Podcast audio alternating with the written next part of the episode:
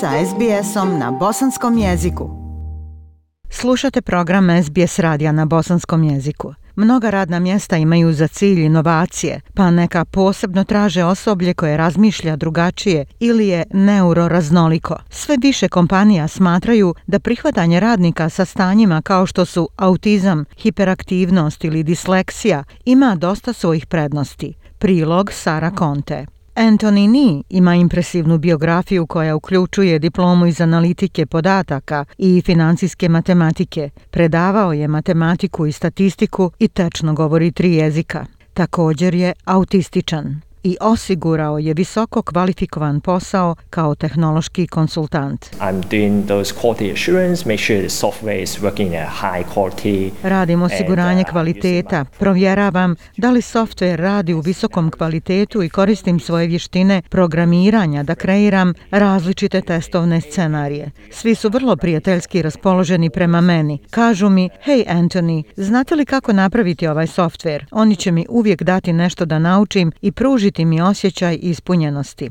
Shana Bearsford je žena iz naroda Viranđuri koja ima autizam i disleksiju. Ona voli svoj posao u Vulvorcu i dobra je u tome. Osvojila je nacionalnu nagradu za blagajnika godine. I just try and do the best I can and help in any way I can to make it Samo se trudim da radim najbolje što mogu i pomažem na bilo koji način.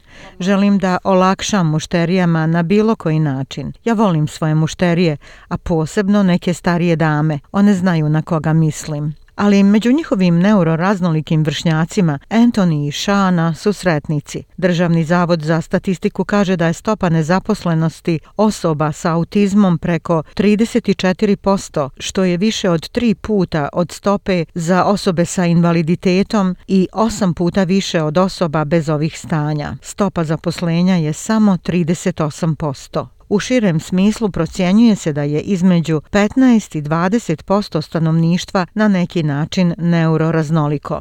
To je pojam koji pokriva niz stanja, uključujući poremećaj autističnog spektra, poremećaj pažnje, hiperaktivnost i disleksiju između ostalih. Doktorica Mirja Moller, viši predavač međunarodnog poslovanja na Univerzitetu Queensland, objašnjava to vrlo jednostavno. But it's absolutely critical to recognize that not every neurodivergent person is the same. So Neuroraznolikost u suštini je ideja da ljudi jednostavno ne dolaze u istom neurološkom paketu za sve. Procijenjuje se da je oko 15 do 20% stanovnika u svijetu neuroraznoliko. Ako ovo prevedemo u australski kontekst, to znači da je oko 3,5 miliona australaca na neki način neuroraznoliko. Teško je dobiti tačan broj statističkih podataka o svakom od ovih različitih neurodiverziteta jer ne dobijaju svi formalnu diagnozu. Ali radna mjesta pronalaze načine da prihvate jedinstvene mogućnosti koje pruža osoblje koje razmišlja i radi drugačije. Kompanije, uključujući Microsoft, Woolworths, IBM i ANZ, implementirale su programe zapošljavanja neurorazličitih osoba posljednjih godina. Telstra je također jedna od takvih kompanija. Nakon uspješnog ispitivanja šest kandidata sa autizmom, svi su osigurali stalna radna mjesta mrežnih inženjera, stručnjaka za upravljanje, proizvodima i inženjering. Menadžeri kažu da su im ovi radnici pomogli da poboljšaju svoje komunikacijske vještine i postanu strpljiviji i oduševljeni su zapošljavanjem više takvih ljudi. Izvršni direktor Telstre Andy Penn kaže da se sve svodi na to da imaju prave radnike za posao. Različitost i inkluzija, uh, to jest uključenost, nama su nevjerovatno važni ako želimo privući najbolje talente i zaista imati Telstru kao mjesto na kojem želite raditi. Moramo biti vrlo pažljivi u tome i to je oduvijek bilo svojstveno kulturi našeg poslovanja. Bodomen vodi Auticon, tehnološku konsultantsku kuću koja isključivo zapošljava osobe iz spektra autizma. Vidi prve znakove da Australija počinje prihvatati neuroraznolikost u radnoj snazi.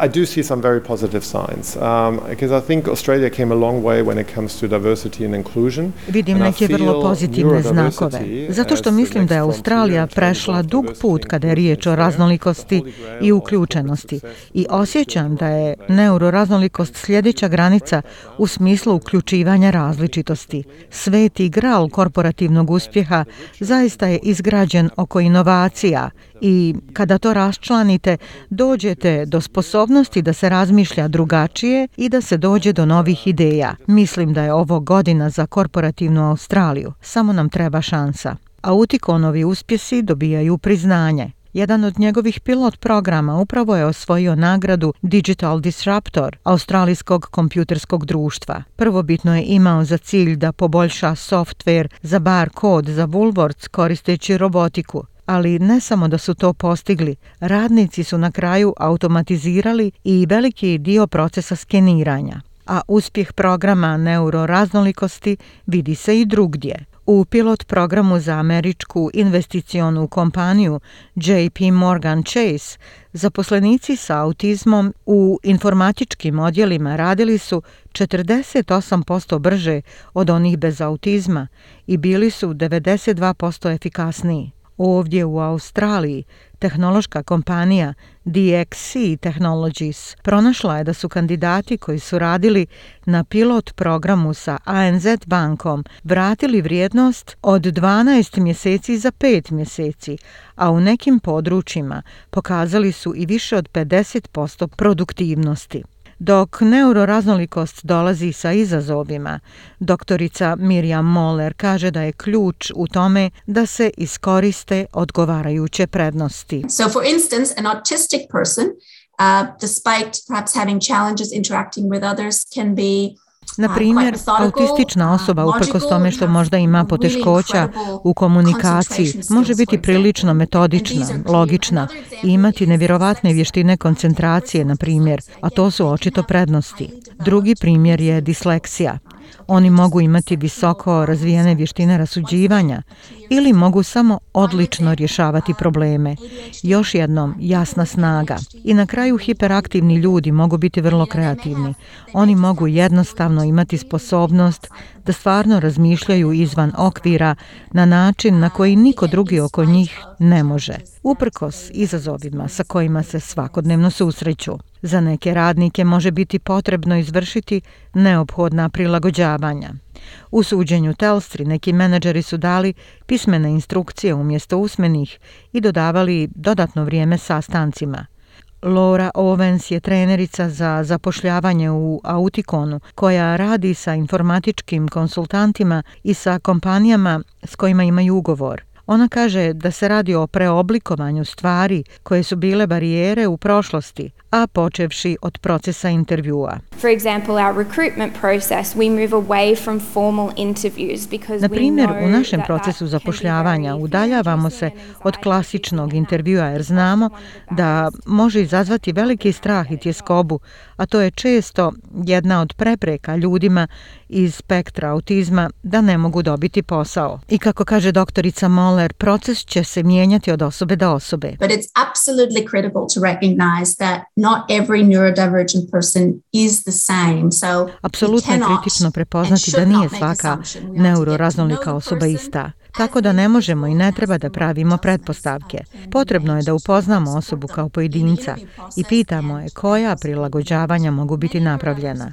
Da bismo im pomogli u procesu intervjua i možda i dalje, Mnoge neuroraznolike osobe također imaju probleme sa senzornom obradom, a to može biti povezano sa osvjetljenjem, zvukovima, mirisima. Dakle, trebala bi mekša rasvjeta, slušalice za poništavanje buke ili jednostavno ponuditi im tihi dio radnog mjesta na kojem mogu raditi i to može biti velika razlika za njih.